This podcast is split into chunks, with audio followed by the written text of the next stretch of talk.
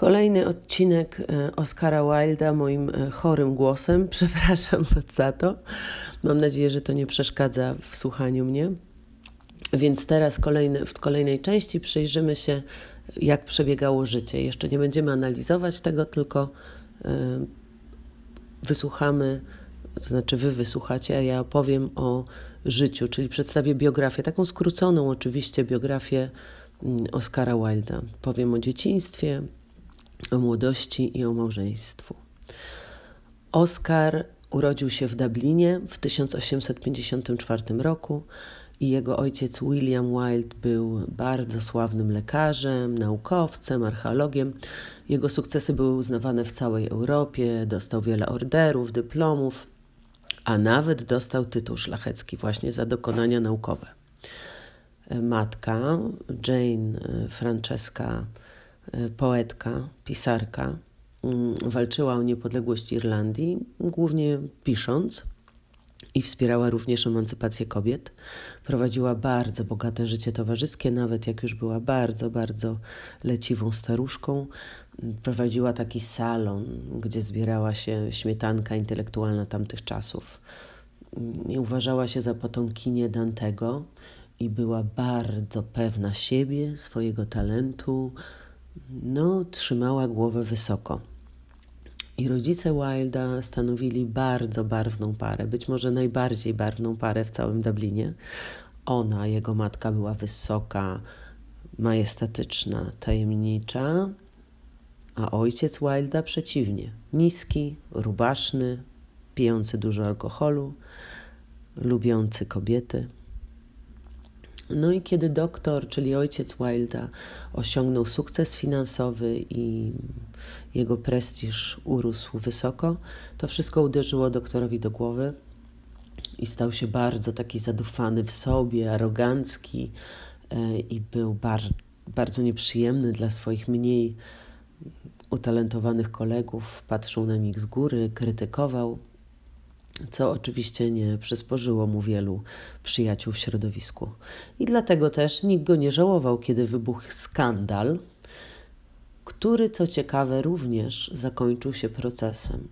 Tak samo jak wiele lat później e, syn Oscar Wilde miał proces wiążący się z prowadzeniem się, tak samo jego ojciec wcześniej miał taki proces, a mianowicie kochanka doktora oskarżyła go o gwałt. I William przegrał proces. Z tym, że ukarano go symboliczną grzywną, czyli przegrał, ale nie do końca, natomiast on czuł się bardzo upokorzony. I od tamtej pory to już udał się na wieś, na takie wygnanie, co też ciekawe, i coraz więcej pił. Umarł przedwcześnie nie dożył sukcesów swojego młodszego syna. Ojciec mój przed śmiercią w roku 1876 leżał w łóżku, chory przez długie dni. I co rano kobieta w czerni, szczelnie zawalowana, odwiedzała nasz dom. Szła prosto na górę, do sypialni Sir Williama, instalowała się w głowach jego łóżka i siedziała tak cały dzień, nie mówiąc ani słowa i nie podnosząc woalki. Nie wiem, czy wśród tysiąca kobiet znalazłaby się jedna, która tolerowałaby jej obecność. Ale moja matka pozwalała na to, bo wiedziała, że mój ojciec kochał tę kobietę i czuła, że jej obecność przy łożu śmierci sprawia mu radość i jest mu pociechą. Jestem przekonany, że słusznie czyniła, nie odmawiając ostatniego promyka szczęścia umierającemu człowiekowi. I jestem także przekonany, że ojciec rozumiał tę jej pozorną obojętność. Rozumiał, że nie z braku miłości toleruje obecność rywalki, ale dlatego, że go bardzo kocha. Tak pisał Wilde czyli dziwną obojętność swojej matki, syn uznał za przejaw oddania i miłości. No i dlaczego? No może dlatego właśnie, że sam odczuł taką obojętność wobec siebie. Dopiero kiedy zaczął osiągać sukcesy, matka zwróciła na niego uwagę. wcześniej preferowała jego brata, Williego. Czyli tłumaczył on sobie dziwne zachowanie matki na swoją korzyść, nie? Odnosił to jakoś do siebie. O wczesnym dzieciństwie Oskara niewiele wiadomo, ale wiadomo, że od małego wraz ze swym starszym bratem siadał do stołu z całym, często znamienitym towarzystwem i przysłuchując się dorosłym rozmowom i popisom erudycyjnym ojca, zdobywał pierwsze konwersacyjne szlify, które po czasie miały zapewnić mu ten ogromny sukces, który osiągnął. W wieku 10 lat pojechał do szkoły z internatem, co było normalne w tamtych czasach, prawda? Internaty były bardzo popularne, tak samo jak piastunki. Rodzice się nie za bardzo opiekowali dziećmi. Jeśli było e, ich stać, to, to raczej mm, ktoś inny się zajmował dziećmi. Natomiast w tym internacie Oscar Wilde nie był lubiany, nie był popularny wśród dzieci, głównie z powodu tego, że się za bardzo odróżniał od nich. Nie znosił sportu, nie znosił gier, nie bił się też. Wolał marzyć na jawie, opowiadać niestworzone historie, czy wymyślać jakieś przezwiska. No i oczywiście wiadomo, jak to z przezwiskami jest, prawda? Im bardziej były trafne, złośliwe, tym więcej przysparzały mu wrogów. Nie cierpiał nauk ścisłych czy nauk przyrodniczych, męczyły go te przedmioty. I był uważany w ogóle za miernego ucznia, dopóki nie zainteresował się klasykami greckimi. I to była taka pasja, która trwała całe życie u Oscara Wilda i rzeczywiście wtedy zaczął um, osiągać. Zdobył na przykład nagrody, stypendium. Później w szkole średniej było podobne. Początki skromne, ale zakończył z przytupem i na końcu zdobył złoty medal berkeleyowski, stypendium w Trinity College'u i na końcu stypendium w Oksfordzie. A jak mówił Wilde, w moim życiu były dwa punkty zwrotne. Jeden, gdy ojciec posłał mnie do Oksfordu, i drugi, gdy społeczeństwo posłało mnie do więzienia. No, pogadajmy więc o Oksfordzie. Podczas studiów Wilde nie przemęczał się generalnie, opuszczał wykłady, nie przykładał się zupełnie do jakichś rzeczy, które go nie interesowały, ale za to regularnie wydawał u siebie przyjęcia. Jeden z jego nowych przyjaciół mówił: Jego niekonwencjonalna swoboda, błyskotliwość rozmowy i pewność siebie miały nieprzeparty urok. Zapraszał do siebie równie często kobiety jego urok osobisty był zupełnie nie do odparcia, niezależnie od płci. Wszyscy go uwielbiali. Wszyscy uwielbiali Oscara. No i wtedy właśnie w Oksfordzie poznał dwóch profesorów, Johna Raskina i Waltera Patera, e, którzy wywarli na niego ogromny wpływ. Obydwaj zajmowali się sztuką, potępiali brzydotę fabryk, mówili, że piękno jest najważniejsze – Natomiast Raskin uważał, że sztuka angażuje człowieka i nie można sztuki oddzielać od moralności, że wspaniałe dzieło musi przekazywać wartości duchowe, etyczne, a Pater odwrotnie. Uważał, że piękno jest najważniejsze, najważniejsze w życiu jest najwyższą cnotą i to on właśnie stał się prekursorem ruchu estetycznego, a potem dekadentyzmu. W swojej książce pisał tak płonąć zawsze silnym płomieniem, podobnym do blasku drogich kamieni w ciągłej ekstazie. To się nazywa sukces w życiu. I to właśnie tą książkę Oskar miał zawsze przy sobie, i to o niej pisał w więzieniu. Książka, która wywarła tak przedziwny wpływ na moje życie.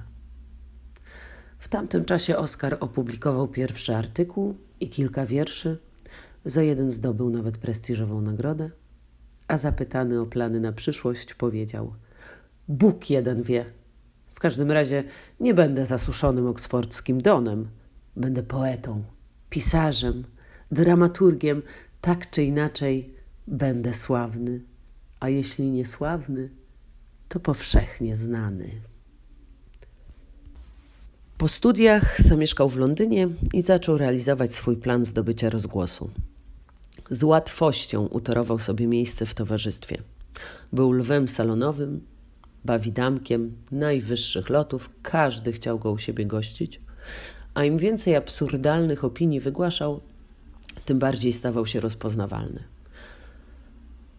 Wzbudzał skrajne emocje. Krzyczano o nim zambon kościołów, przestrzegano młodzież przed zepsuciem, karykaturowano go w czasopismach, a jego aforyzmy zadziwiały cały Londyn. No i ponieważ ta jego popularność tak wzrosła, to wkrótce wystawiono operetkę, która była satyrą na ruch estetyczny, a właśnie samozwańczym liderem tego ruchu został Wilde. I ta operetka okazała się wielkim sukcesem, aż zaczęto ją grać za oceanem w Ameryce. W związku z tym poproszono Oscara, żeby pojechał tam i wygłaszał odczyty, żeby w Ameryce dowiedziano się, co to ten estetyzm jest. Oscar zgodził się na to, bo niestety ani jego poezja, ani jego pierwsza sztuka Wera nie zostały dobrze przyjęte, a spadek po ojcu dawno się wyczerpał. I w roku 1882 wykładał w Stanach Zjednoczonych z ogromnym sukcesem, a Oscar lubił się chwalić i tak pisał o tym w listach. Jestem rozrywany przez wytworne towarzystwo. Wielkie przyjęcia, wystawne obiady, tłumy czekające na mój powóz.